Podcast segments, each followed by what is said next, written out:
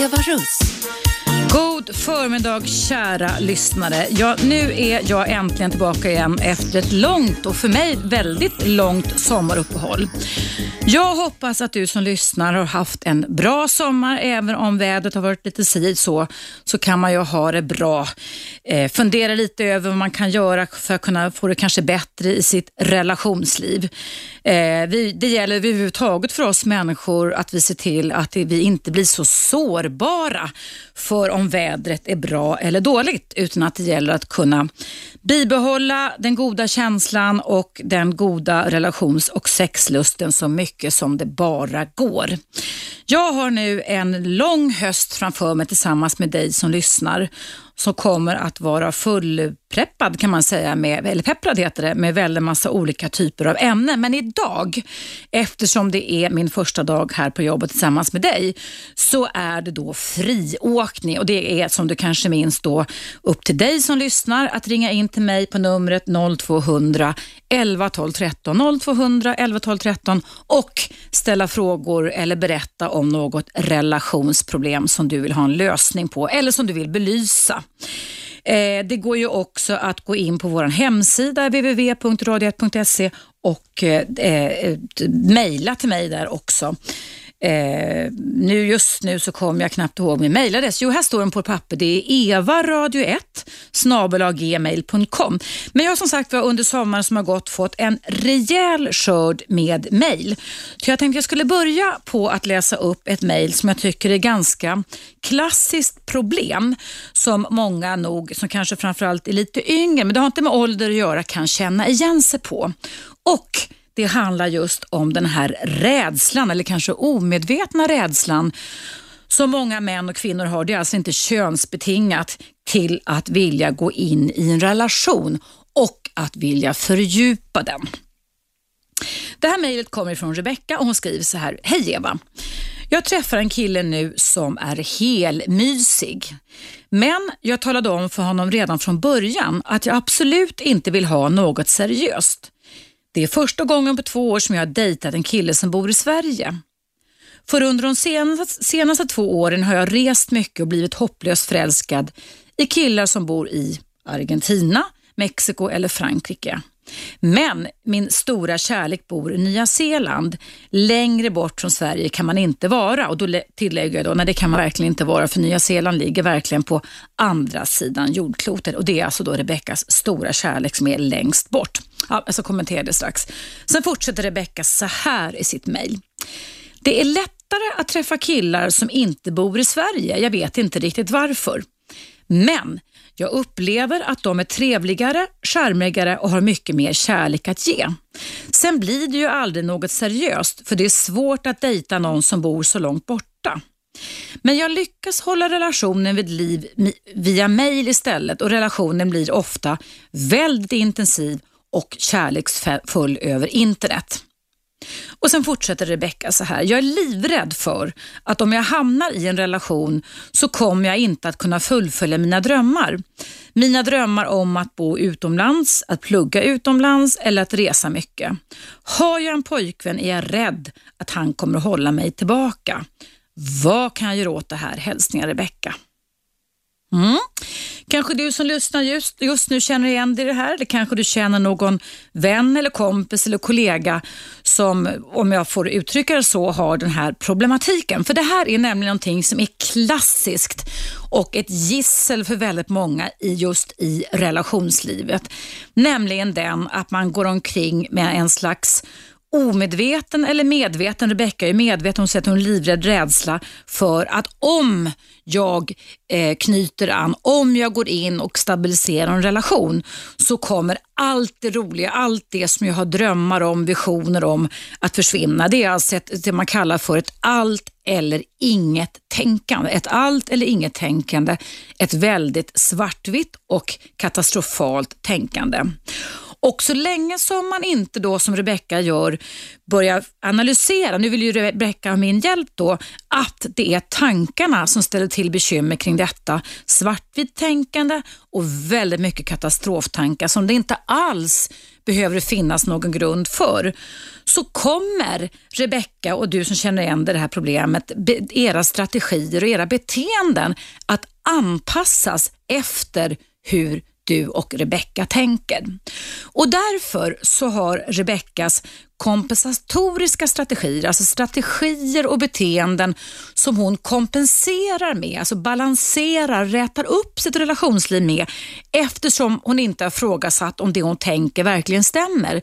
Det blir då det att den stora kärleken träffar hon givetvis på andra sidan jorden och eh, hon dejtar killar som bor långt, långt borta. Och när de är långt, långt borta, då kan hon uppleva en jättestark kärlek. Men när de är möjliga, alltså väldigt nära henne, då släcker hon ner känslorna. Så att hålla avstånd, som jag uppfattar det då, är brevskrivaren då Rebeckas sätt att kompensera det här på. Nu vet inte jag hur gammal Rebecka är, men faktum är att det här har inte med ålder att göra och det har inte med kön att göra, utan det har just med det som du säkert har hört mig repetera om och om igen här under våren i mitt radioprogram, nämligen att det har med anknytningsmodeller att göra. Att någonstans så har vi när vi var små på en omedveten känslomässig nivå lärt oss att det är riskfyllt att komma nära någon, att fördjupa våra nära känslomässiga och kärleksfulla relationer. För när vi gör det så kanske vi har lärt oss eller upplevt då att vi har blivit så djupt sårade, avbrutna, förskjutna så att vi alltså utvecklar, precis som Rebecka i lyssnarmejlet här nu, strategier som gör att vi håller avstånd. Och när vi håller avstånd, då kan vi vara jättekära. Men när vi kommer nära, då känner vi ingenting alls. Det som är intressant med Rebeckas mejl det är ju det och det att hon faktiskt nu känner kärlek för en kille som bor i Sverige.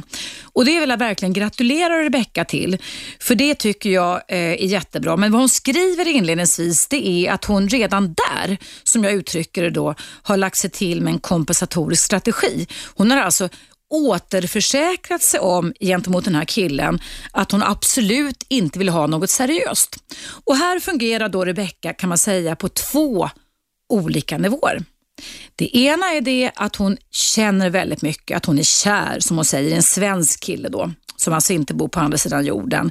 Men då måste hon kompensera med att verbalt säga nej, nej, nej, nej grabben du, det här blir inget seriöst. Jag vill bara ha dig som sängkompis eller lekkompis eller vad det nu kan vara för någonting. Och Det är också då en kompensatorisk strategi.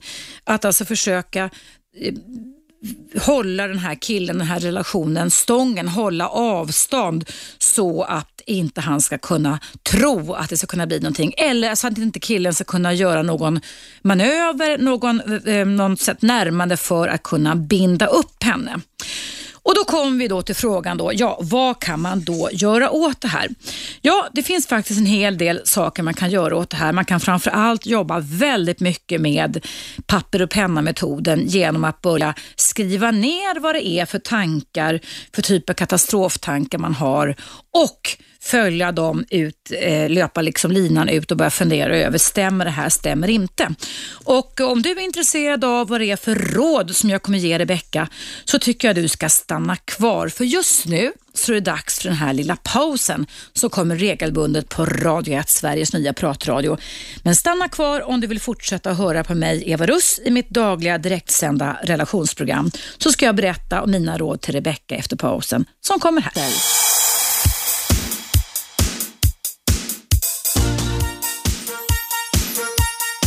Radio 1. Eva Russ. Varmt välkommen tillbaka. Jag ska alldeles strax ta in en lyssnare som har ringt här och eh, känner sig frustrerad och förtvivlad och ledsen över någonting som hennes mor sa två veckor, eh, eh, alldeles strax innan hon avled för två veckor sedan. Jag får be dig vänta lite. Jag vill bara kommentera klart Rebeckas mejl här lite kort. Innan pausen så berättade jag om ett lyssnarmail. Rebecka, en tjej som eh, har valt att hålla avstånd med killar eftersom hon har väldigt mycket katastroftankar och svartvitt och väldigt generaliserat tänkande om Eh, som är ganska villkorat skulle jag säga också. Att om jag kommer någon nära, om jag fördjupar min relation med någon så kan jag inte förverkliga mina drömmar. Nu har Rebecca träffat en svensk kille istället för att då binda sig och vara kär på avstånd med män tidigare. Och nu är hon livrädd. Och rädsla, det är det som är problemet för Rebecca. Rädsla kan ställa till väldigt mycket bekymmer för oss i våra liv. Hon är alltså rädd för att hon inte kan fullfölja sina drömmar eh, om hon skulle fördjupa relationen. Eh, och Det enda boten skulle jag vilja säga för Rebecca och du som känner igen det här, det är faktiskt det att försöka ta fram papper och penna, eller ta fram papper och penna och skriva ner dels olika typer av frågor som man kan ställa till den här partnern som man nu har blivit kär i. Hur tänker du kring det här? Att börja lära känna varandra och ta reda på alltså frågor och svar kring hur ser du på det här? Jag skulle önska det här. Det här är min dröm att få göra det här. Hur ser du på det? Vad tänker du? Vad har du för drömmar? Eh, och tala om, det är alltså en form av kan man säga VDN deklaration om vad man själv önskar med sitt liv. Och kommunikation, det betyder ju att kunna föra över budskap. Det är ju inte heller något svart eller vitt eller antingen eller-tänkande eller antingen eller-strategier, utan det handlar om att kunna låta kommunikationen bölja fram, där man i en relation, när man lär känna varandra, lyssnar, man tar in och man säger, menar du så? Skulle du vilja göra så här? Och Jag är övertygad om att ju mer som sådana som Rebecka som har skrivit till mig nu, ni vågar prata om rädslan och inte bara agerar på rädslan, för det är två olika strategier. Att prata om rädslan eller att agera på rädslan. Det handlar alltså om att prata, att skifta strategi. Så kan man då komma till rätta med väldigt mycket av de här väldigt eh, övergeneraliserade, stora, globala, feltänkande sjoken som, som, gör, som oftast är väldigt statiska. Som säger att nej, jag måste eh, avsluta relationen för det kommer inte bli bra. Och Då kan man missa en väldig massa bra partners under tiden eftersom rädslan styr så pass mycket. Sen kan det också vara bra när man känner rädsla i den stunden man känner rädsla och när man ska knyta an i en parrelation så kan det också vara väldigt bra att man hittar någon strategi för att lugna ner sig. Idag finns det ju till och med appar man kan ladda ner. Det finns någonting som heter mindfulness app appar som är för övrigt väldigt, väldigt bra. Det finns böcker där du kan ge dig själv instruktioner om hur du ska varva ner. Och Grejen är den att när vi kan få bort rädslan ur vår psykobiologi, då kan vi också tänka klarare. Då kan vi alltså tänka mer orädda tankar. Så det är det som jag vill berätta för Rebecka som svar och det är också det jag vill berätta för dig som känner igen dig i den problematiken.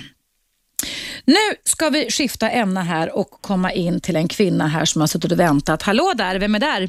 Ja, det, det, är Madde. Det är Madde. Hej Madde. Du ringde in till mig i pausen och berättade vad hade hänt dig alldeles nyligen. Berätta.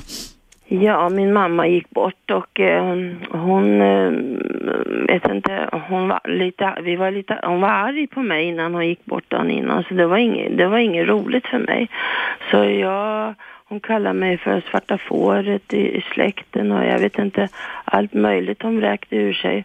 Och det var inget roligt så jag, jag blev lite arg och, så att, och sen har jag blivit väldigt frustrerad. Och, det förstår jag. Och, och, det är väldigt, och jag vet inte om det är något slags fenomen innan äldre människor går bort. Eh, och då undrar jag om det är fler där ute som har råkat ut för det. Ja, vi kan väl be lyssnarna att ringa in då. Nu ska se om jag kommer ihåg numret. Det är 0200, jag är lite ringrostig här efter semestern. 0200 11 12 13.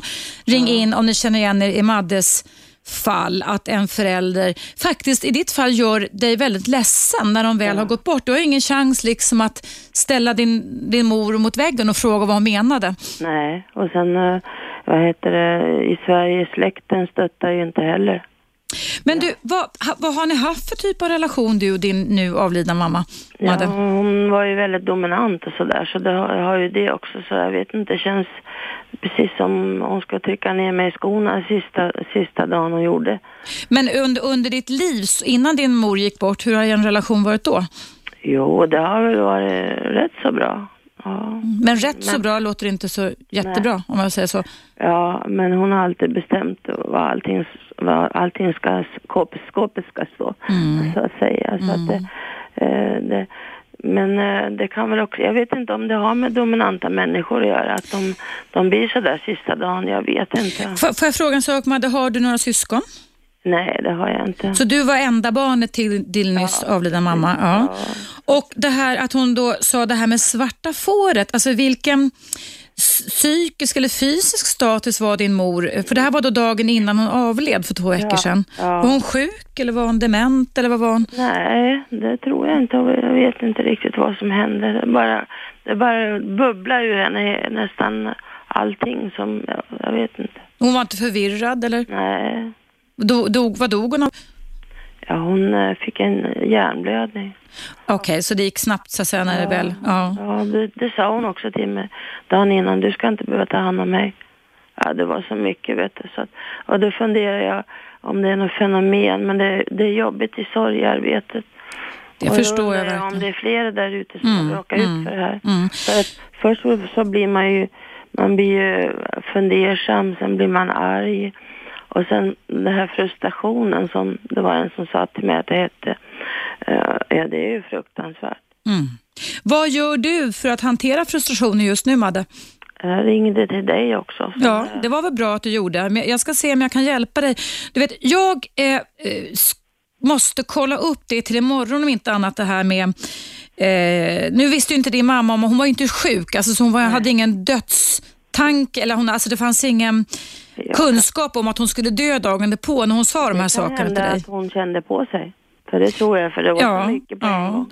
Men, men det är ju lite märkligt och det håller jag verkligen med om Madde, att varför ska en förälder eh, tala om för barnet, för det är någonstans som hon säger, kallar dig för svarta fåret. Ja, men det är för att man, man ja, man har, man har tyckt om folk från andra länder och så där vidare.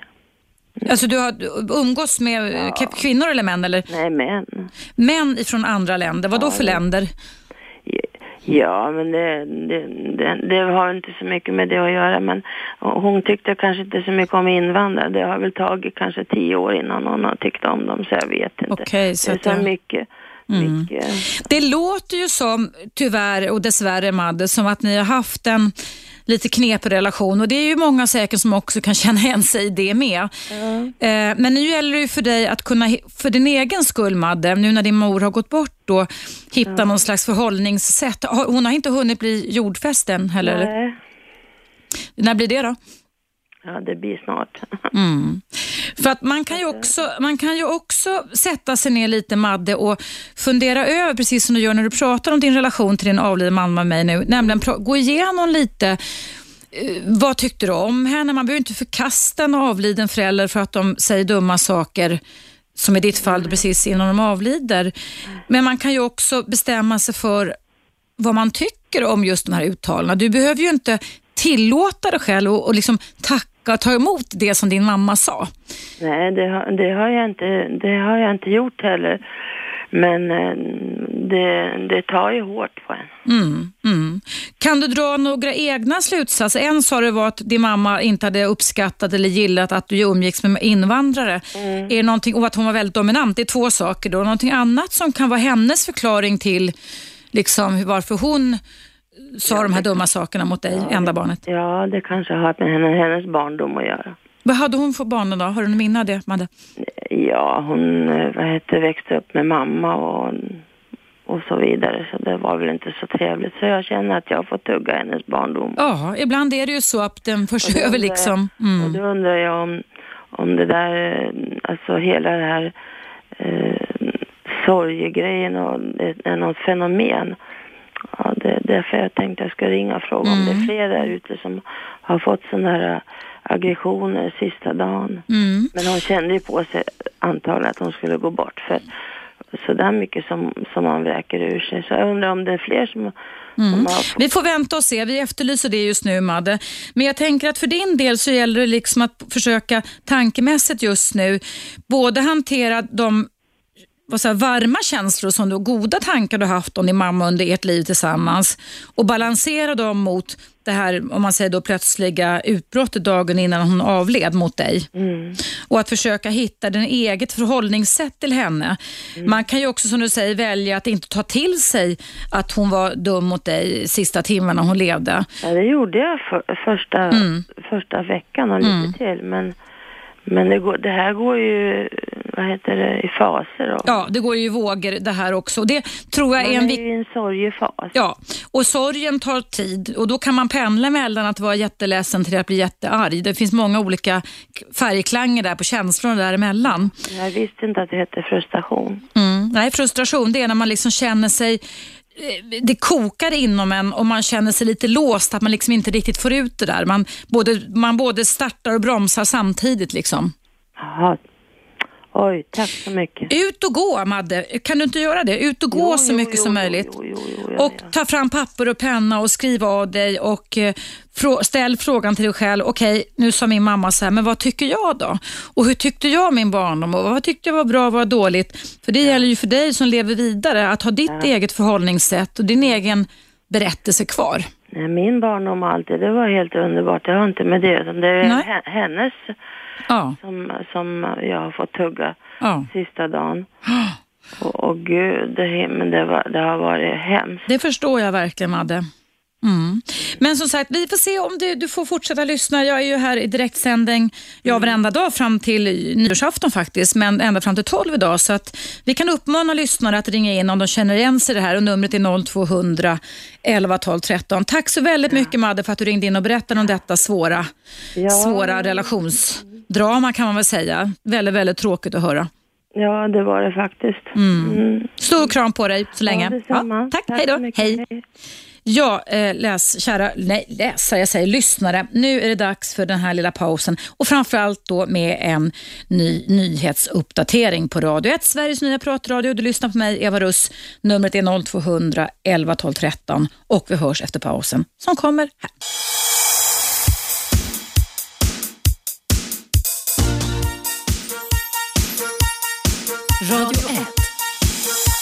Eva Russ. Varmt välkommen tillbaka till mitt dagliga och direktsända relationsprogram på Radio 1. Jag heter Eva Russ och du kan ringa in till mig idag för det är nämligen friåkning denna den första dagen på höstterminen här. Numret är 0200 11 12 13 men det går också bra att mejla som väldigt många och det gläder mig väldigt mycket har gjort under sommaren. Nämligen till mig här på Radio 1 och då är mejladressen evaradio1 gmail.com. Eh, den första halvtimmen här i mitt direktsända relationsprogram så läste jag upp ett lyssnarmail från Rebecka och, eh, som handlar om eh, rädsla för att kunna knyta an och fördjupa en relation som jag då berättade att väldigt många Både män och kvinnor i olika åldrar kan bära med sig faktiskt livet ut. Eh, men det går att komma åt både med att man tar fram papper och penna men också att man faktiskt går i psykoterapi. Det brukar faktiskt kunna lösa upp väldigt många knutar och idag så behöver man inte gå i åratals psykoterapi.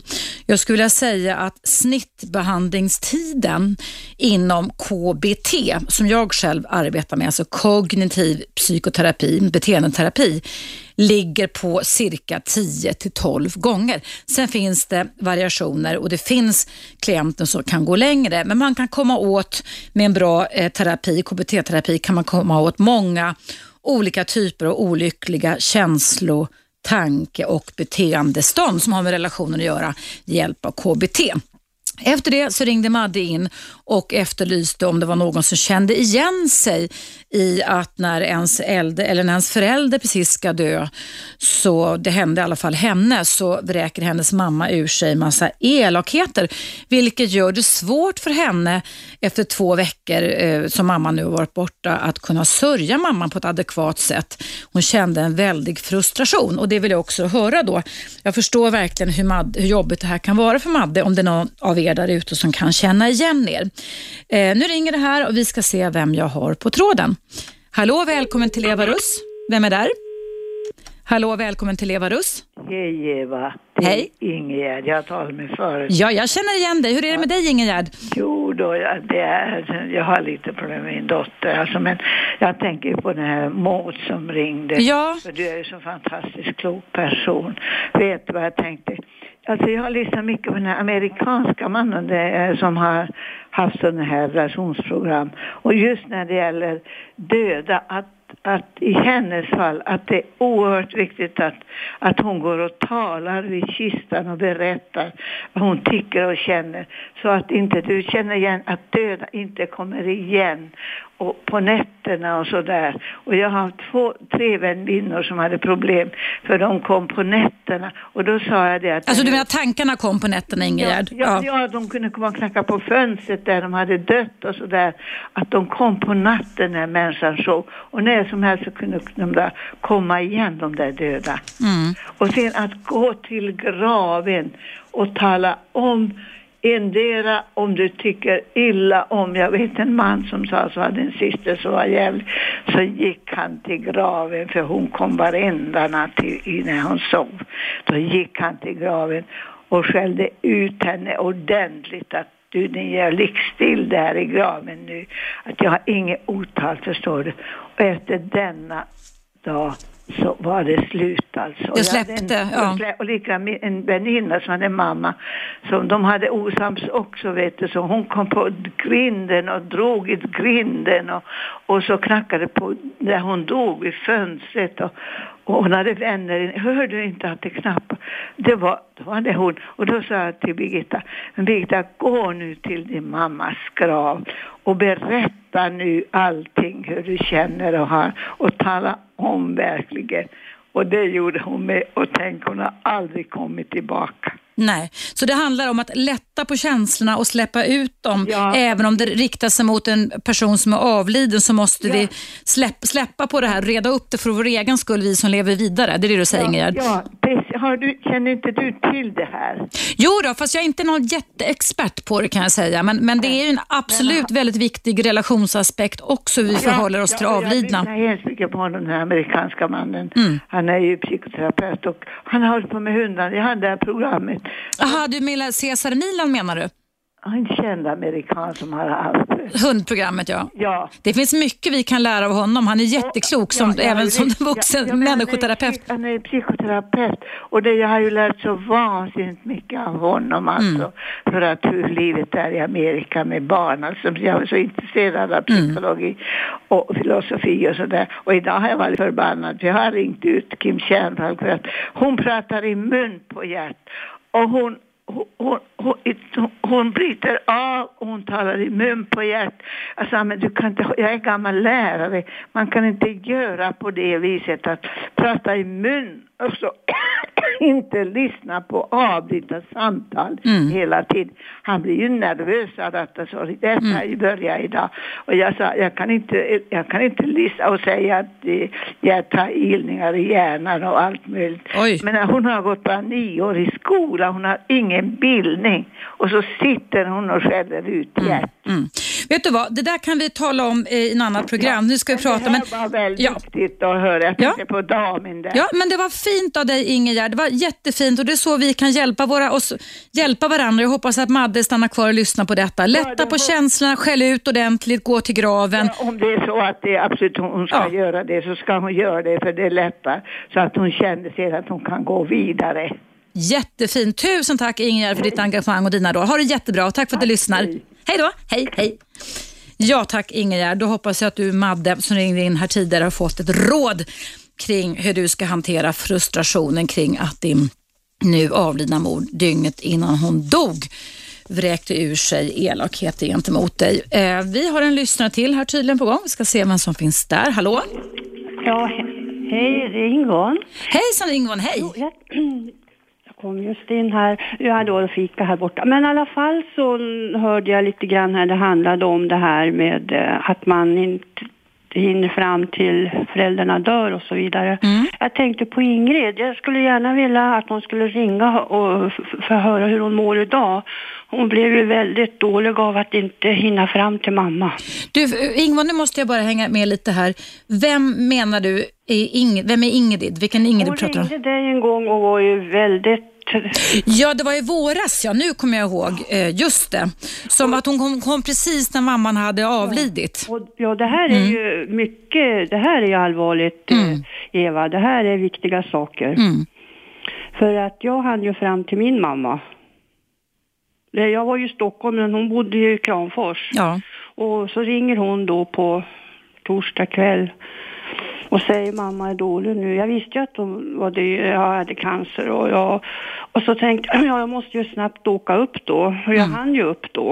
Mm. Och eh, det betyder, det är ju, det är fantastiskt om man kan få göra det. Mm. För när min pappa dog så, jag var faktiskt bara 13 då, han var väldigt, ja i alla fall så har jag, eh, grundar jag alltid på det där varför jag, jag skulle gärna vilja sett pappa också. Och, och liksom det där kunde jag inte få göra och det där har grott i mig också hela mitt liv. Att jag inte fick se pappa innan de la, la på kistlocket och sådär. Det är, ju många som, det är ju många som sitter och pratar med de döda idag, fikar. I min släkt har jag en farbror, när man fi, fikade med farbror John sa man satt och pratade och drack kaffe när han var död för något år sedan. Och, och han var en god människa, så det var inget, man var inte arg eller frustrerad, men det var viktigt för släkten, mina kusiner bland annat, att få, att få göra så. Men Mona Thunberg skrev ju nu i Svensk Damtidning att hon väntar ju på att han ska ringa. Jaså. Men det är ju sådana här enkelsyner, det, har man, det här är ju vanligt. Det Mm. Enkelsyner och att de pratar med när de nyligen är döda. Men det där går ju bort. Eh, ett klingar av på sikt, ja. ja. det kan Ja. ta två år. Ja. Och eh, så att det där att knacka på fönster, det är ju bara sån här hjärnan på folk liksom Mm. att eh, det, förstår jag menar? Ja då, det är ja ingen som knackar på fönstret inte. Nej, nej, utan det är Utan syner det, man har. Det, det läker ju bort så småningom, men, men eh, Ingrid hon eh, måste ju söka hjälp för det här och hon var ju otroligt ledsen för det här. Mm. Så hon höll ju på, ja det här tycker jag är väldigt allvarligt alltså. Ingrid, om, om vi pratar om rätt person då sen i våras så var hon ju, så om du kommer ihåg det så gjorde jag en snabb diagnos då via radion i och för sig med att hon var ganska rejält deprimerad och jag rekommenderade henne att gå till en psykiater. Kommer du ihåg det?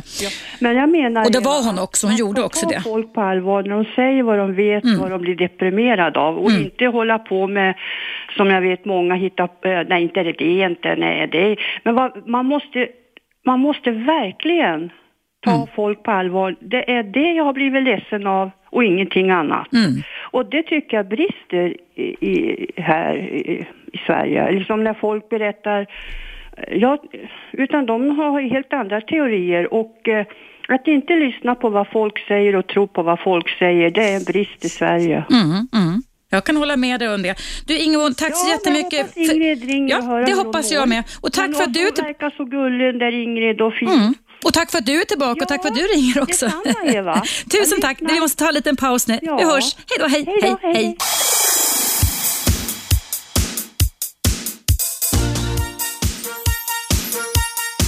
Radio 1.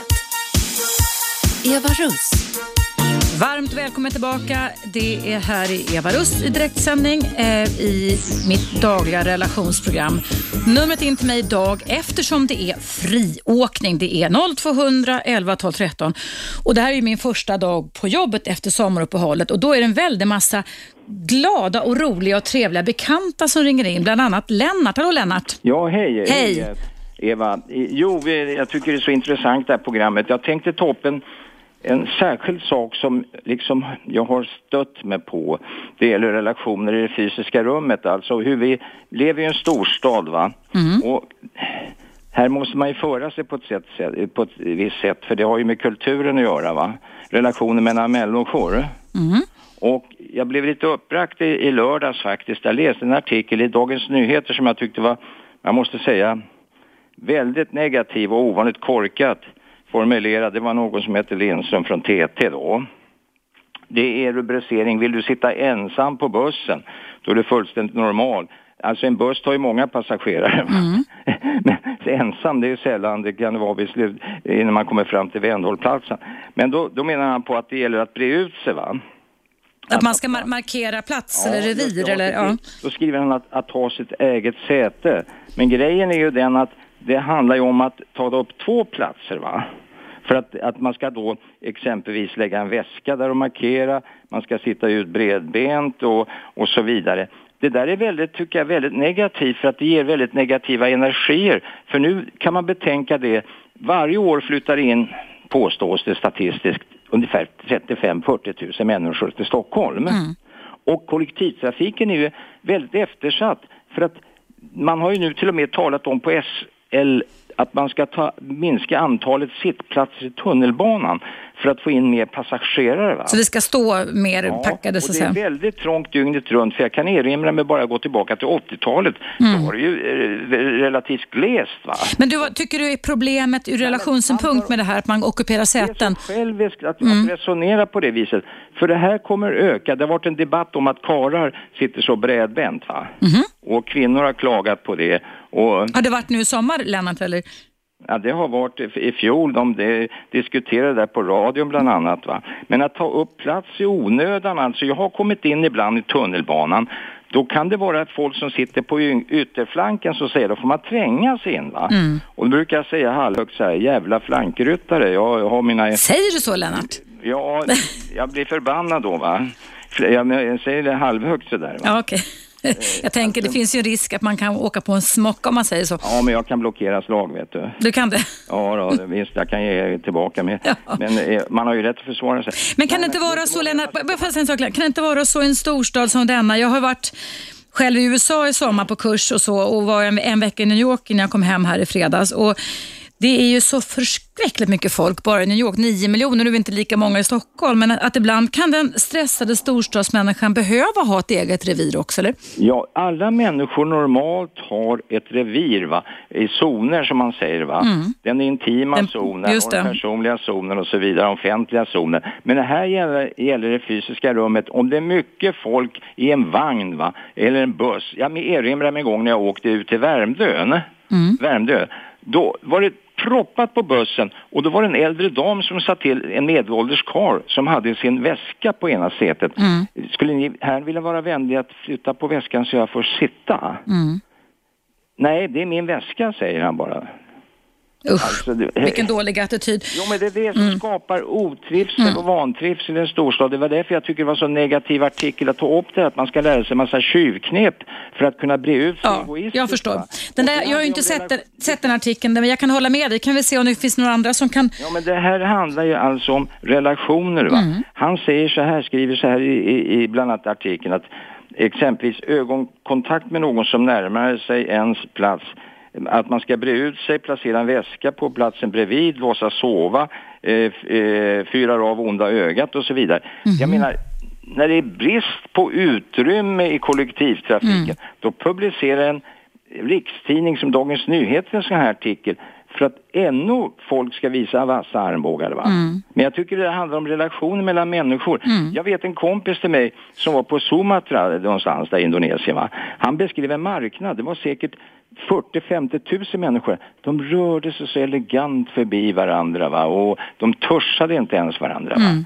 Men här ska det vara gå så klumpigt och det beter sig, alltså det där har ju med ett samhälle som jag anser en storstad, Stockholm börjar ju bli det va. Den ska, man eftersträvar ju en harmoni mellan människor. Mm. Och det här skapar inte harmoni när man upp, Nej, menar. uppviglar Det så, som du uppfattar det till. så- Varför publicerar man sån här dum artikel för?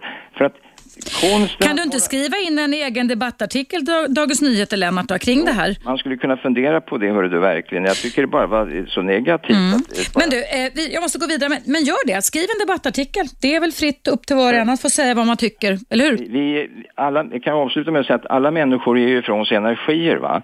Och varför ska man ständigt komma med så här nega, energier för. Det känner ju vederbörande. Man känner ju det också att hur få, slags eh, attityd en människa har. Va? Mm. Det blir så jäkla negativt och trist. Istället ska man ju hjälpa varandra på bussen. Absolut. Om man ser någon som är, har, är funktionshindrad, då kan man ju vara tillmötesgående och kanske ge honom platsen Ja, eller henne. ja.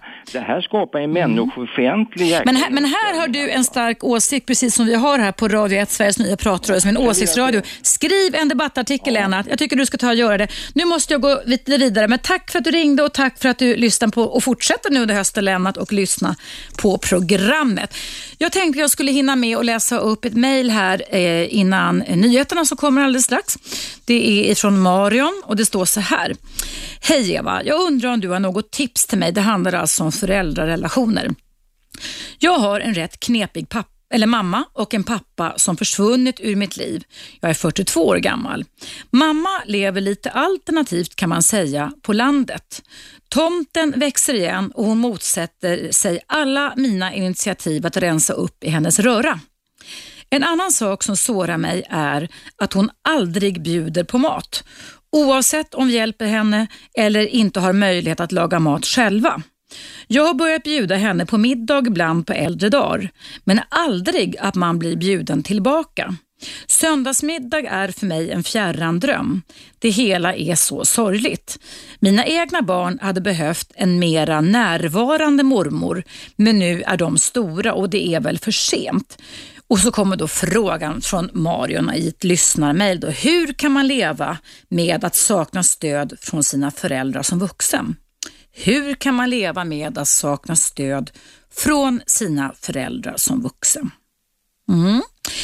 Eh, uppenbarligen så kan man ju leva med det Marion. Däremot så gäller det då att se över tycker jag, vad är det, är det man ska gå igång på? Vad är det man ska förändra? Alltså, tyvärr är det ju så ju äldre vi människor blir att det of, ofta i alla fall är lite knepigare, lite segare, lite svårare det, står att förändra våra inlärda mönster. Det betyder ju inte att det inte går och det betyder inte att man inte kan känna och tänka saker även fast man inte förändrar sina beteenden. Eh, nu är det så här i din mammas liv och jag tycker att som en oerhört viktig regel, jag skulle kalla det för livsregel för er där ute som känner igen er i Marions problem, det är att skippa tanken om att föräldrarna har haft onda avsikter. Visserligen finns det föräldrar, en minoritet, som eh, inte fungerar normalt, men de allra flesta gör det. Men vi har alla olika typer av bagage med oss och de har det för sin egen uppväxt och så vidare. Och att Marions mamma inte bjuder på söndagsmiddag, det är säkerligen ingen ond avsikt, utan det handlar om att hon inte vet hur man ska göra eller förstår vitsen med det. Men då kan ju Marion och du som känner igen det, det börja med det istället. Istället för att sörja någonting som man inte har fått så kan man ju, man är 42 år ung som Marion är, skapa den här söndagsmiddagen utan att begära och gå igång på eller bli frustrerad över att mamma inte bjuder tillbaka. Det finns fler aspekter att kommentera kring Marions lyssnarmail, men nu är det dags för nyheter här på Radio 1, Sveriges nya pratradio. Jag heter Eva Russ, jag är relationsexpert. Idag är ämnet i direktsändning friåkning. Jag kommer kommentera Marions lyssnarmail efter nyheterna, men du kan också ringa in till mig även i pausen och numret är 0200 11 12 13. Vi hörs alldeles strax igen.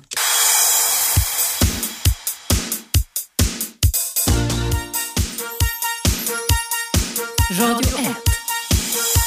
Eva Russ. Varmt välkommen tillbaka. Idag är det premiär för min eh, radioshow här, relationsprogram. Ända fram till nyårsafton så kommer du höra min väna stämma här i direktsändning. Jag har haft ett bra sommaruppehåll och jag hoppas att du som lyssnar också har haft det. Idag är det så kallad friåkning och det innebär att jag läser upp lyssnarmail. Jag har fått en hel jättestor mejlskörd här över sommaren och det tackar jag jättemycket för att ni alla där ute engagerar er i mitt program och i olika typer av relationsproblem. Jag ska börja med att läsa upp och ge Marion eh, lite mer kommentarer. Det handlar alltså om Marion som är 42 år gammal och som känner sig frustrerad och ledsen över att hennes mamma inte eh, ja, är den mamma hon kanske hade önskat och att hon tror och hade önskat att hennes mamma skulle vara en mer närvarande mormor och skriver då att det är väl för sent att kunna göra någonting åt det här. Och då vill jag säga någonting som jag alltid kommer att säga här i mitt radioprogram, nämligen det här. Det är aldrig för sent att lösa ett problem eller att finna nya tankar på ett problem. Det är aldrig för sent, kom ihåg det. Vi kan ägna oss åt problemlösning livet ut. Så att generalisera och låta Marion som har mejlat till mig, hennes tankar bli sanna och verkliga är bara dumt, därför det är aldrig för sent. Däremot är det så att den som möjligtvis kan förändra någonting för att sen se om det i sin tur skulle kunna förändra mammans beteende är dottern Marion.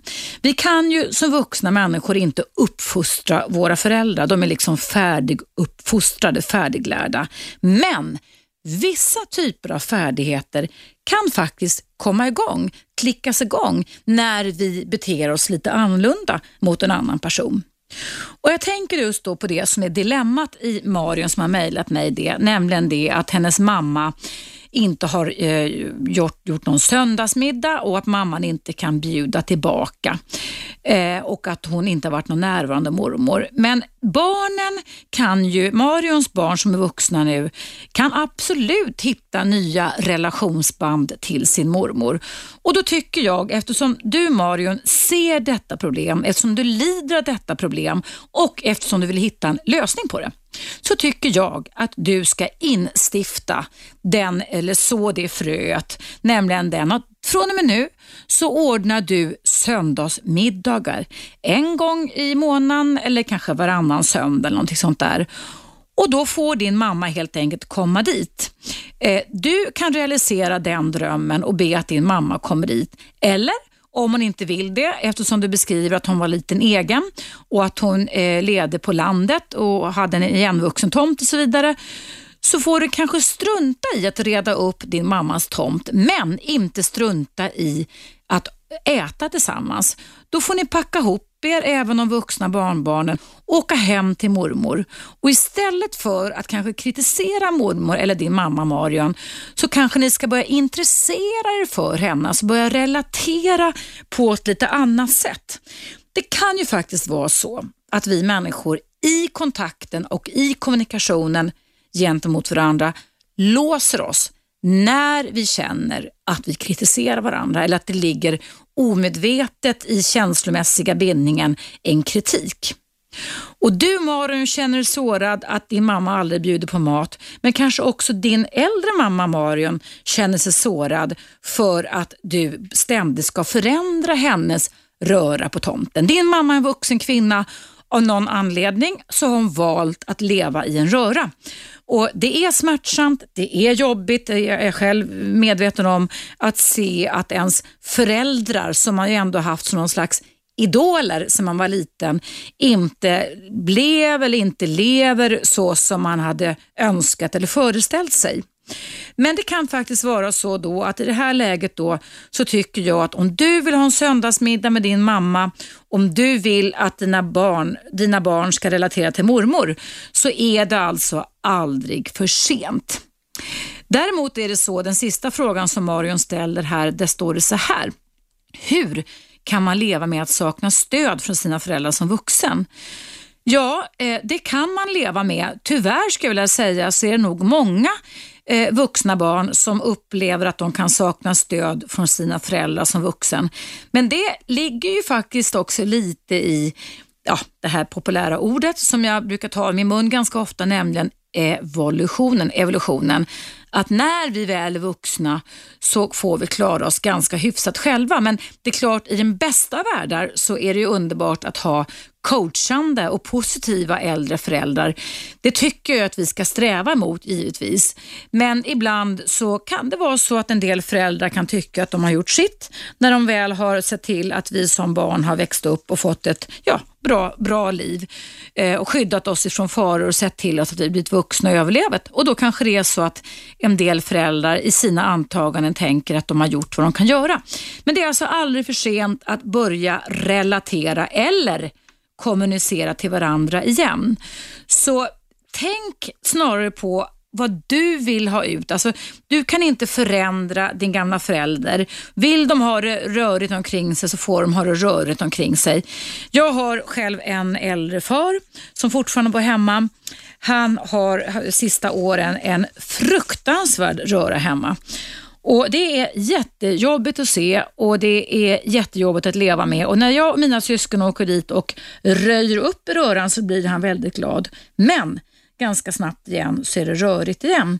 Det får vi alltså leva med. Men i ditt fall Marion så vill ju inte din mamma att ni ska röja på tomten och då får ni acceptera det. Däremot så äter hon ju mat som ni tar med er fast hon inte bjuder själv. Då får det vara så. Och då får ni acceptera det och säga så här fungerar min mamma nu. Men hon är min mamma och börja liksom växla om lite dina tankar. Jag tycker om henne därför att kanske en vanlig och bra mening som du Marion, du som känner igen dig i Marens problematik skulle kunna engagera dig. Jag tycker om min mamma därför att, för annars är risken den att man som Marion hamnar i den ledsamma, den defensiva, den deprimerade sidan av tillvaron och då sker det som har eh, stor betydelse för hur vi ser på verkligheten, nämligen den att vår varseblivning blir färgad av de här dystra tankarna och känslorna. Så istället för att göra upp en lista som Marion verkar gjort på allt vad man inte får, så gäller det att kunna skapa nya sätt, skapa nya relationsband, nya möten, nya middagar och framförallt eh, tänka på de goda sidorna. Kanske Mario när du åker ut till din mamma som bor på landet och har det rörigt omkring sig ni ska prata om hur hon tänker, vad hon gör, hur, vad hon mår bra av. Alltså intressera er för henne som person istället för att kritisera henne för att hon har rörigt på tomten. Ibland kan en liten skiftning i kommunikationskontakten faktiskt leda till att man börjar eh, på nya band, att man börjar på nya sätt att relatera till varandra på. Det kan ju i alla fall vara värt ett försök, eller hur? Ja, det var mitt råd till Marion. Och eh, om du som lyssnar har några råd till Marion eh, så, eller något annat problem som har med relationer att göra just idag eftersom det är friåkning här på Radio 1 Sveriges nya pratradio så är det fritt för dig att ringa in till mig. Och numret är som vanligt 0200 11 12 13. Du kan också göra som Maren och många andra, eh, flera hundra gjort här under sommaren, mejla mig och då är mejladressen evaradio1 gmail.com. Nu ska jag läsa upp ett annat lyssnarmail här innan pausen. Det handlar om eh, det här med anknytning igen och precis som jag läste upp här inledningsvis om Rebecka som hellre väljer killar som bor på andra sidan jordklotet för det är säkrare. De kan hon fördjupa kärleken med via mail och Skype men inte då in, in real life om man säger så. Det här är från Max och han skriver så här. Hej Eva, jag har ett för mig stort problem som jag undrar om du kan hjälpa mig med. Till saken hör är att jag alltid varit en väldigt sexuell och lustfylld person. För cirka två och ett halvt år sedan hittade jag min drömtjej. Hon är en av de vackraste personerna jag någonsin sett. Hon är läskigt intellektuell, hon har en imponerande karaktär, hon är en fantastisk person på alla sätt och jag har aldrig känt något liknande för någon annan. Men jag tänder inte på henne. I övrigt är vi ett fantastiskt team och har en väldigt kärleksfull relation. Kan man verkligen ha en bra relation med sex men utan den där starka sexuella åtrån? Den har aldrig funnits där. Tacksam för svar.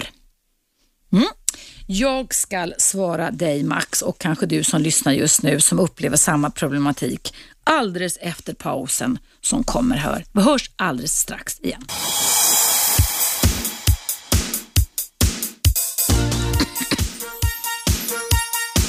Radio 1. Eva Russ.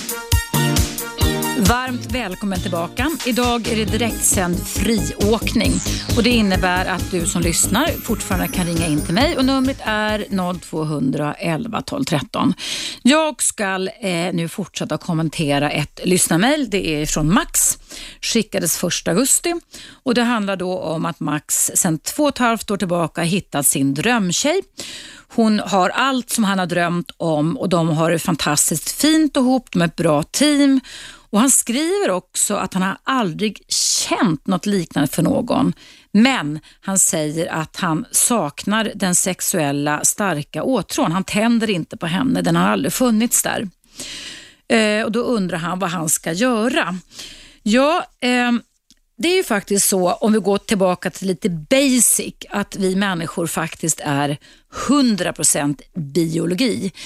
Vi styrs också väldigt mycket av känslor som vi kan sätta på och som vi också kan stänga av. Känslor eh, förbereder oss för olika typer av beteenden och kan också aktiveras beroende på hur vi tänker kring olika saker. Väldigt ofta i min erfarenhet när det gäller parrelationer Vare sig det är heterosexuella eller homosexuella relationer har inte någon som helst betydelse.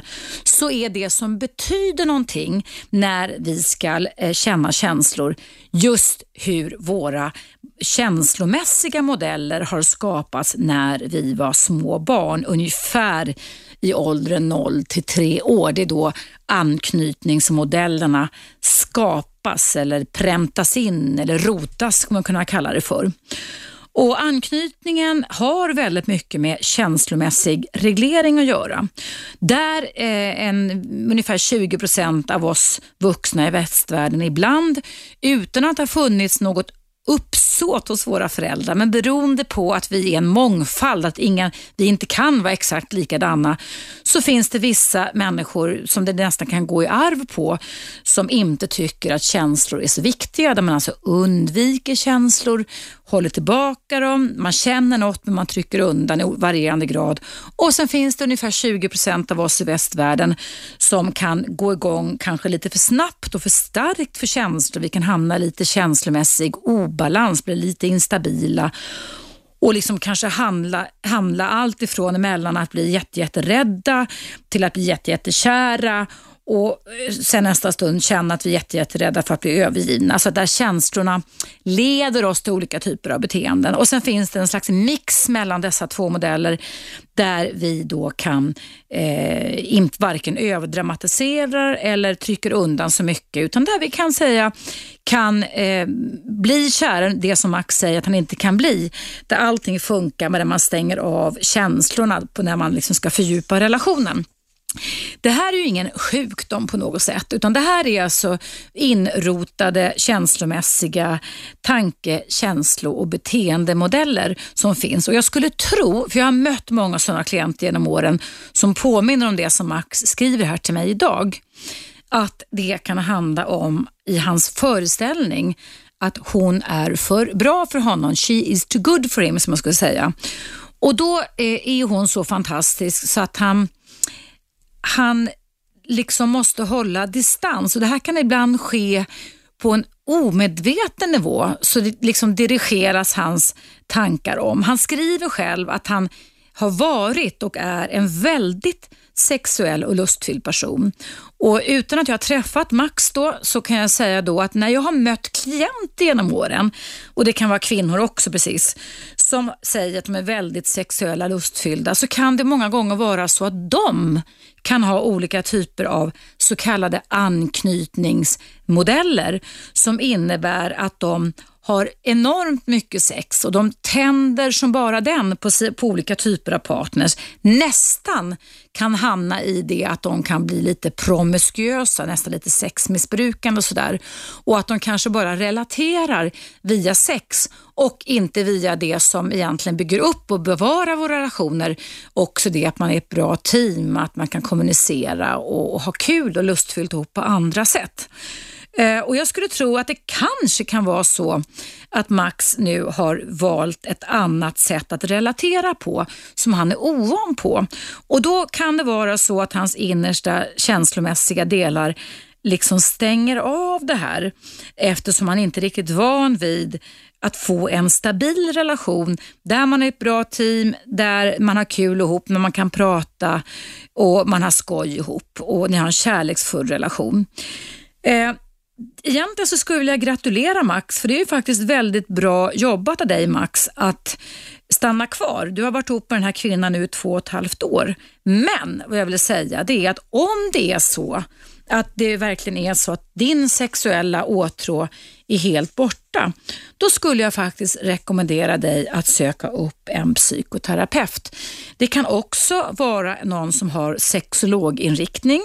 Du är inte sjuk, du är inte knäpp, du är inte avvikande. Men jag tror, utan att ha träffat dig, men jag har ganska god erfarenhet av den här problematiken, att det är så att du behöver träna upp och börja hitta hitta dina färdigheter igen, alltså hitta den här eh, sista delen i din förändring som du inte har fått tillgång till. Den finns inom dig, inget problem med det. Men du behöver alltså öva dig på att kunna eh, få igång känslorna kring den här kvinnan du har träffat som är som du uttrycker det, för bra för att vara sann. Och eh, Då är det ju också så att då relaterar man som kamrat men inte som sexobjekt. Men du vill få in den här, inte sexobjekt, men sexuella känslan och relationen igen. Det går Max och du som känner igen det där ute. Det går, det är aldrig för sent att lösa sådana problem. Jag har faktiskt jobbat i terapi med den här typen av problematik även fast jag inte är sexolog.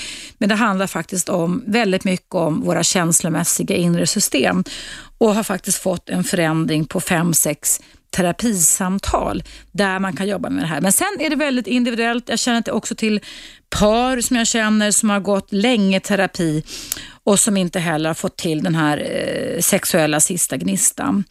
Eh, ett, en väldigt bra terapimetod som jag själv har jobbat med mer än 30 års tid, det är hypnos.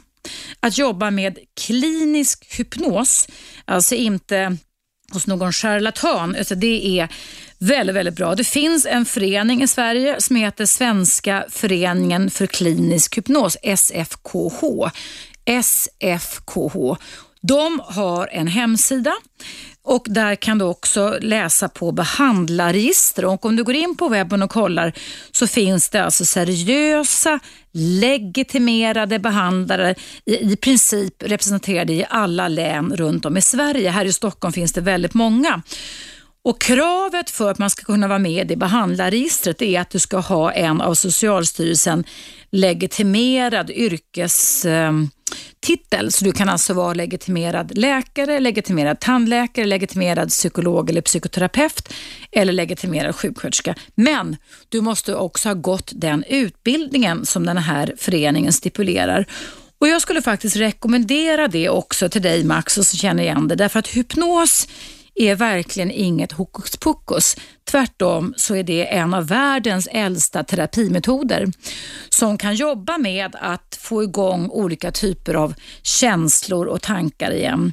Och Jag vet att man till och med kan träna under hypnos patienter att stänga, blockera olika typer av känslor, blockera smärta, så kan man också få igång olika typer av känslomässiga inre processer.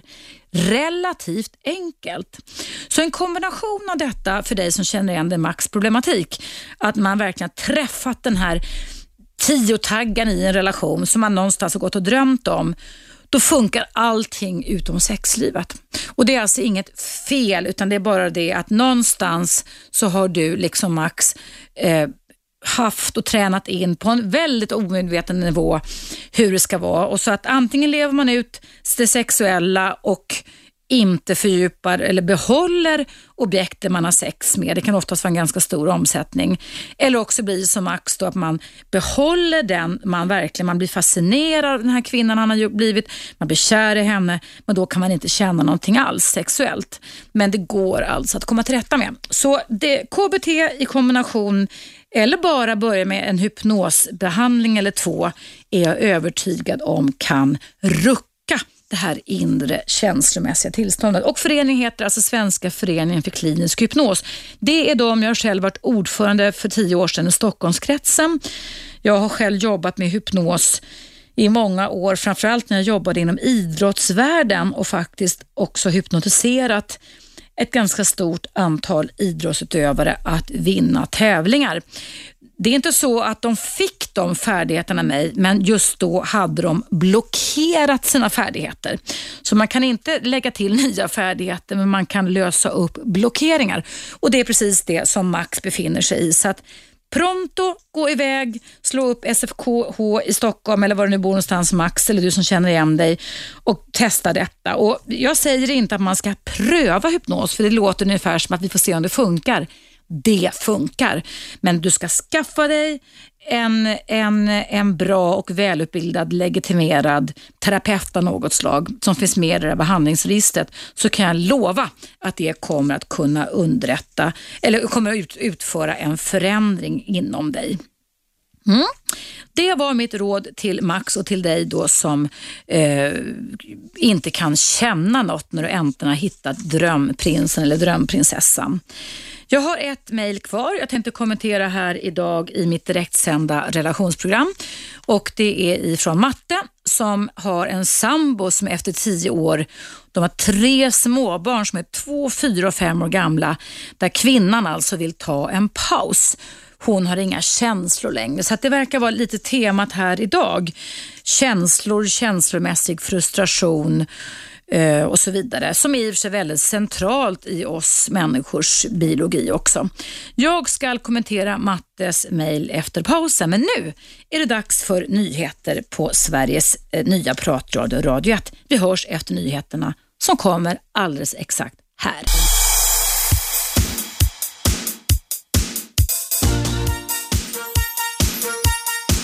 Radio 1. Eva Russ.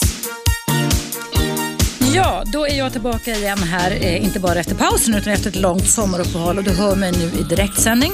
Varenda eviga dag, ända fram till nyårsafton så kommer du och jag att kunna relatera till varandra. Idag är det friåkning och det innebär att du som lyssnar fortfarande har möjligheten att ringa in till mig till Sveriges nya pratradio och numret hit är som vanligt 0200 11 12 13. Jag ska kommentera då mapp Mattes mejl här och jag ska börja läsa upp det för dig som lyssnar. Det handlar alltså om en parrelation med småbarn där känslorna har försvunnit. Inte ett allt så ovanligt fenomen skulle jag säga. Där det gäller att inte drabbas av panik. Men jag ska läsa upp först vad Matte skriver i sitt mejl till mig. Hej Eva.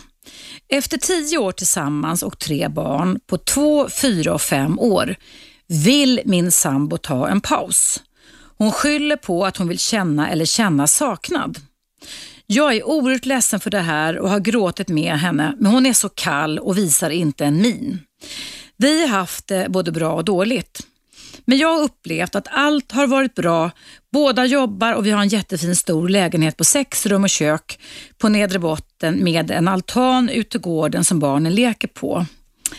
Eh, halvny bil som hon kör och jag kör firmabilen. Helgerna har vi hittat, alltid hittat på saker som bio för barnen, teater, museum, parkhäng och så vidare. Vi gör alltid något på helgen. Men undrar lite eh, erfarenheten av de som har paus, hur får se, ja, men undrar lite, Johan, Matte undrade, det var lite konstig svenska där, om det verkligen är bra att man tar en paus. Jag gjorde om den här meningen då. Är man singel då, frågar han. Är det det hon vill knulla runt? Frågetecken. Så det är Matte som säger så. Så säger han så här, hon säger såklart nej. Det är inte det jag vill. Jag vill det är inte det jag vill. Men å andra sidan vet inte jag, säger då Matte, hur jag ska reagera. Jag har fått ångest, känner mig sviken, mår illa, panik, gråter okontrollerat. Via jobbet har jag fått någon att prata med. Det tycker jag var bra matte. Och Sen står det också att du fått hjälp i form av tablett för att kunna sova. Alltså en insomningstablett säger jag då. Det tycker jag var bra i en sån här akut kris. Och Sen fortsätter matte så här. Chockad och sviken ber jag om svar, men hon säger bara, jag vet inte, jag vet inte.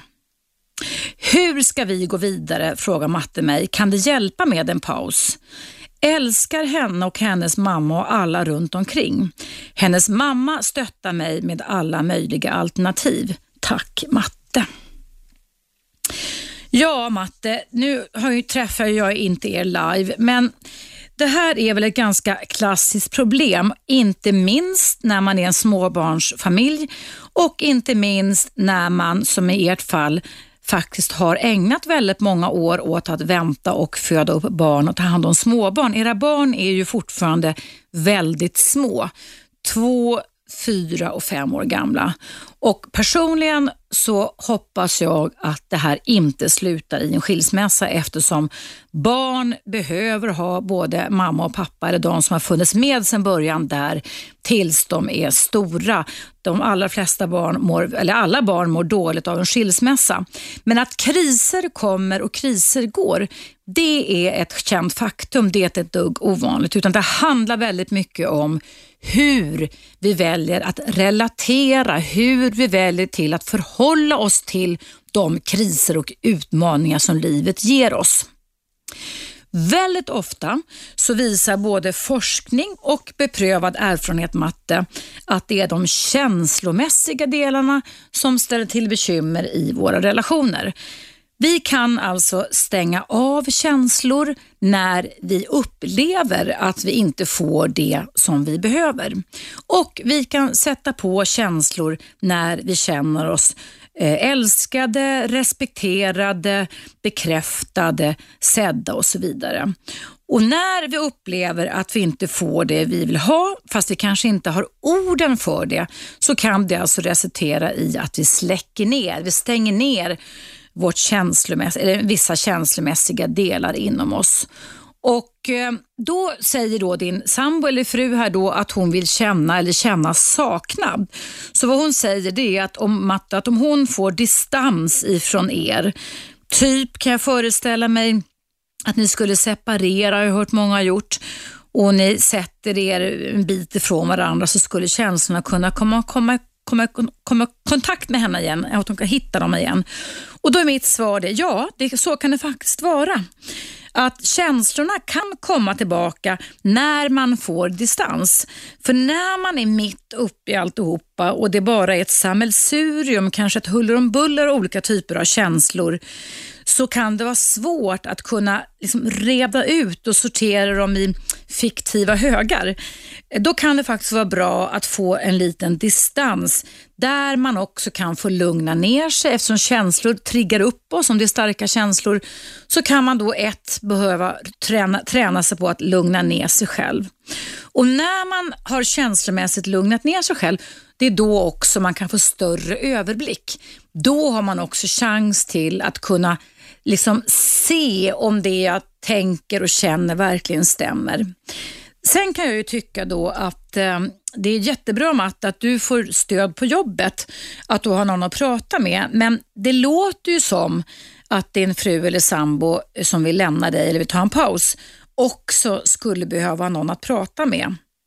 Eller att ni båda faktiskt gick till någon eh, psykoterapeut med familjeinriktning, parrådgivare eller den kommunala familjerådgivningen. Kyrkan har också faktiskt på många orter här i Sverige väldigt bra familjerådgivning så man behöver inte vara religiös. De sitter inte där och prackar på dig att du måste vara religiös eller att ni måste vara det utan tvärtom så tycker jag att det är oftast ganska välutbildade människor som jobbar åt kyrkan just när det gäller rådgivning eller terapier för familjer innan man ger upp sig, innan man kastar in handduken.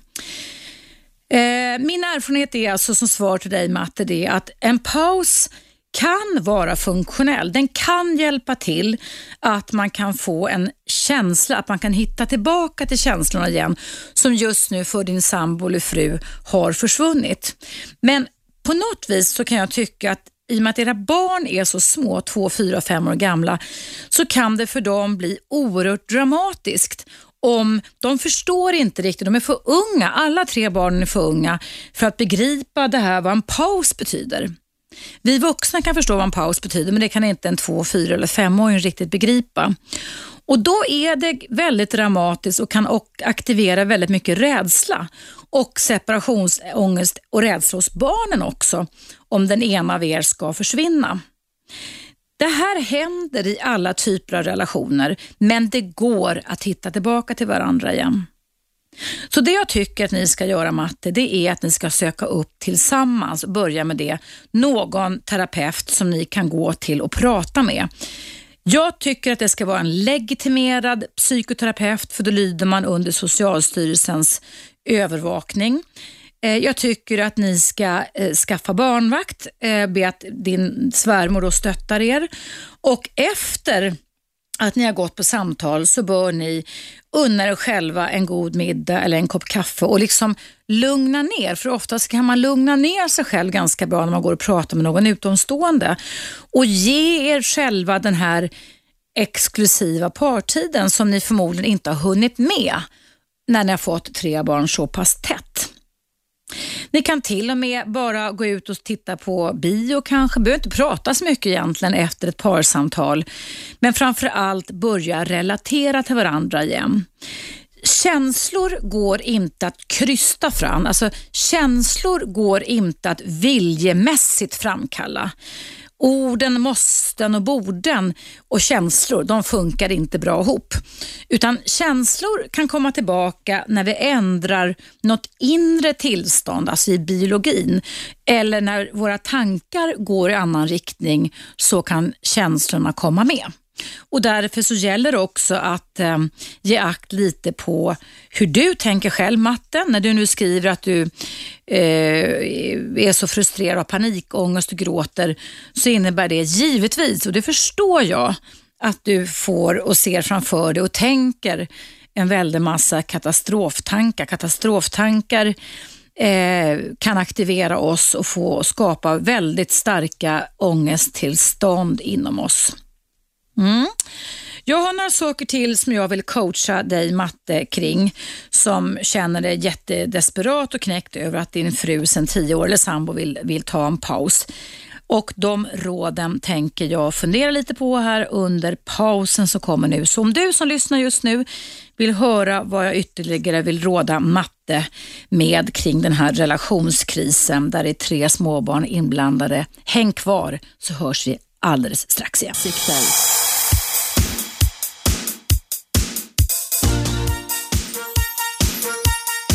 Radio 1. Eva Russ.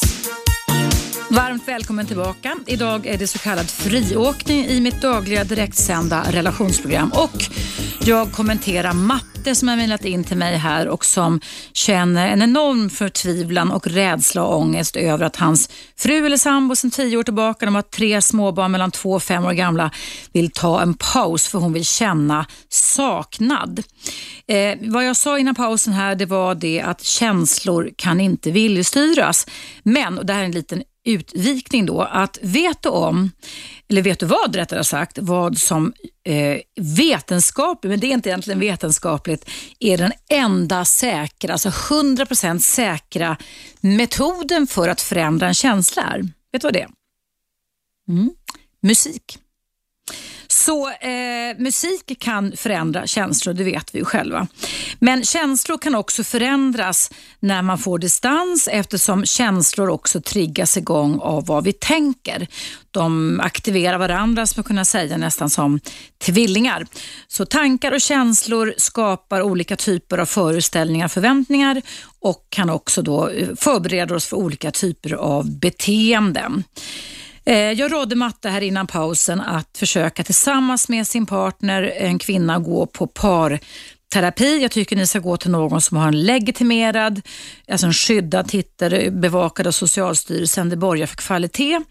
Och jag tycker också att eh, en kris kan vara en utveckling i en relation. Har man fått tre småbarn på tio års tid så kan det vara så att det är de känslomässiga delarna, att ni behöver öva er på matte och du som känner igen dig i det här, på att relatera till varandra igen, att göra varandra viktiga, att bekräfta varandra, att se varandra, att ha kvalitetstid tillsammans även utan barnen. Man förändras också när man blir förälder. Man är inte samma person som man var för tio år sedan när man träffades och bestämde sig för att skapa en familj. Och en paus behöver inte vara en kris. Det kan faktiskt också bli en utveckling. Jag tycker inte att du ska gå in och panika kring Mattias, även om jag förstår att du redan har gjort det. Att det här handlar om sex och som du skriver, som du skriver att att eh, hon vill knulla runt. Jag kan förstå att man kan få den föreställningen med. För att ha sexliv med någon annan person signalerar ju kan man säga rent evolutionärt att vi finner den andra attraktiv. Och om sexlivet ligger nere så kan det ju leda till att man kan få sådana katastroftankar också. Utan samtal lugnar ner det hela och förstå att känslor som har stängts av kan faktiskt sättas igång igen. Eh, om jag bara tar ett exempel som inte har med relationer att göra men som har med känslor att göra så är det ett faktum, ett välkänt faktum då att många av oss där ute faktiskt kan sätta av och eh, sätta på, förlåt, vad säger, sätta, sätta på och stänga av våra känslor. Till exempel så får till exempel, om du tänker människor som hjälparbetar och hjälper till i stora katastrofer, de måste ibland stänga av känslorna för annars skulle de inte kunna nästan överleva med de åtaganden de gör, som till exempel nu när det varit eh, två jordskalv här i Iran, utan man kan inte känna empati med alla, utan man kan stänga av empatin, alltså därmed också känslorna. Och Jag har själv funderat mycket över de fenomen, moderna fenomen som finns idag. Eh, kanske inte så mycket i väst, inte, inte i Europa kanske, tror jag, men mer i USA. Nämligen det här att man eh, bokar barn via surrogatmammor. Eh, surrogatmammor finns ju även i Indien, hela fabriker kring, eh, har alltså en träning, tränas till att inte känna något för barnet som växer i magen. För det är ju då både en evolutionär och en 100% biologisk normal reaktion att en blivande mamma eh, som har ett barn i magen känner något för barnet. Men där får man alltså träna sig på att inte känna något för barnet. Och Det innebär ju då alltså att vi kan träna oss på att sätta på känslor och stänga av känslor. Och när man känner sig besviken och frustrerad på att det man har önskat och trott man skulle få, man inte får, då kan man alltså vilja skiljas eller vilja ha en paus. Så jag tror att det är mer adekvat och mer, bättre egentligen för dig Matt och ni som känner igen er att gå och prata med någon som kan sätta fingret på och hjälpa din sambo eller fru att tala om vad är det hon behöver? Vad är det hon önskar få av dig? Vad är det för beteenden som under de här tio åren med tre småbarn som hon har saknat? Eh, hon kanske inte har ord för det och då kan en bra terapeut hjälpa er båda två att sätta ord på det ni saknar. En bra terapeut kan också träna er på, ge er hemuppgifter, ge er konkreta råd på hur ni tillsammans och var och en för sig ska kunna öva upp olika färdigheter eller kanske till och med också nya färdigheter som i sin tur ska kunna förbättra och relationen och kontakten er emellan. Det är alltså oftast de känslomässiga delarna, de känslomässiga behoven som leder till att man gör slut eller att man känner att man inte känner någonting längre. Men det finns alltså ingen anledning för panik utan det går att hitta tillbaka till varandra igen. En del personer gör det genom att som Mattes partner här, man eh, flyttar ut ett tag. Men innan ni gör det så tycker jag att ni ska ta och gå och prata med någon. Ehm, och ehm, eh, Jag tycker också att just det här när man väljer att skaffa barn tillsammans så är det faktiskt ett åtagande man har gentemot varandra och gentemot barnet. Och Självklart är det så, ju mer barn man får, som i Mattes fall, de har tre småbarn, att det påfrestar relationen. Men det är en del av livet. Det är en del av livet och det är inget nytt, det är inget konstigt, det är inget onormalt. Det händer alla som skaffar många barn. Och Därför så ska vi inte välja strategin att fly. Utan jag tycker att det handlar om att kämpa. För det är de strategier som vi sedan urminnes tider har inom oss. Att kämpa eller att fly. Sen har vi en mellanstrategi och det är att spela döda. Det är att spela döda, att bara låta relationen fortsätta som den är utan att vi gör någonting åt den. Och Den är ingen bra strategi. Så jag tycker att kämpa är det ni bör göra tillsammans. Eh, men också att lugna ner det hela lite. Men också att se till barnens behov, att lugna ner barnen. För som sagt var, barn eh, blir oerhört rädda och olustfyllda av att mamma eller pappa mår dåligt och att mamma och pappa ska skiljas åt. Det är, skulle jag vilja säga, the worst case scenario för många barn. Eh, barn blir ju präglade på sina föräldrar och eh, vill ha dem där. Så att egentligen skulle jag säga att för varje barn, när vi nu har så pass mycket skilsmässor här i Sverige, så är det faktiskt så att väldigt många barn här i Sverige upplever ganska traumatiska separationer ifrån sina föräldrar. Och att det på ett eller annat sätt för alltid sätter sina spår i deras känslomässiga modeller som i sin tur kan skapa vissa typer av sårbarhetsfaktorer i alla fall, eller problem när de själva ska gå in i vuxna parrelationer och relatera till varandra igen. Mm.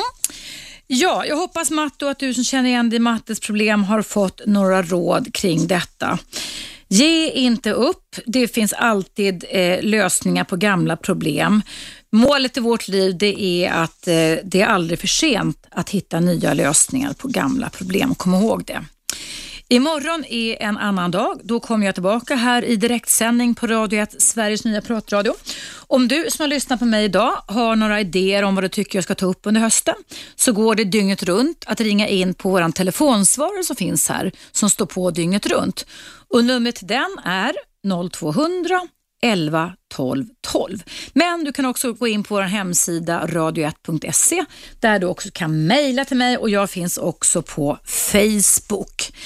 Nu är det dags för Best of Aschberg mellan klockan 12 och 1 idag. Och Jag tycker verkligen att du som lyssnar ska stanna kvar. För idag så har han ingen mindre gäst än den oerhört Sverigekända eller kanske världsberömda astronauten Christer Fuglesang som är eh, Robbans gäst idag. Så jag tycker du ska stanna kvar och lyssna på det. Tills dess vill jag säga då tack för idag. För mig, min del var det väldigt kul att komma tillbaka till jobbet. Jag hoppas att du som lyssnade också tyckte att det var kul att vi drog igång mitt dagliga relationsprogram igen.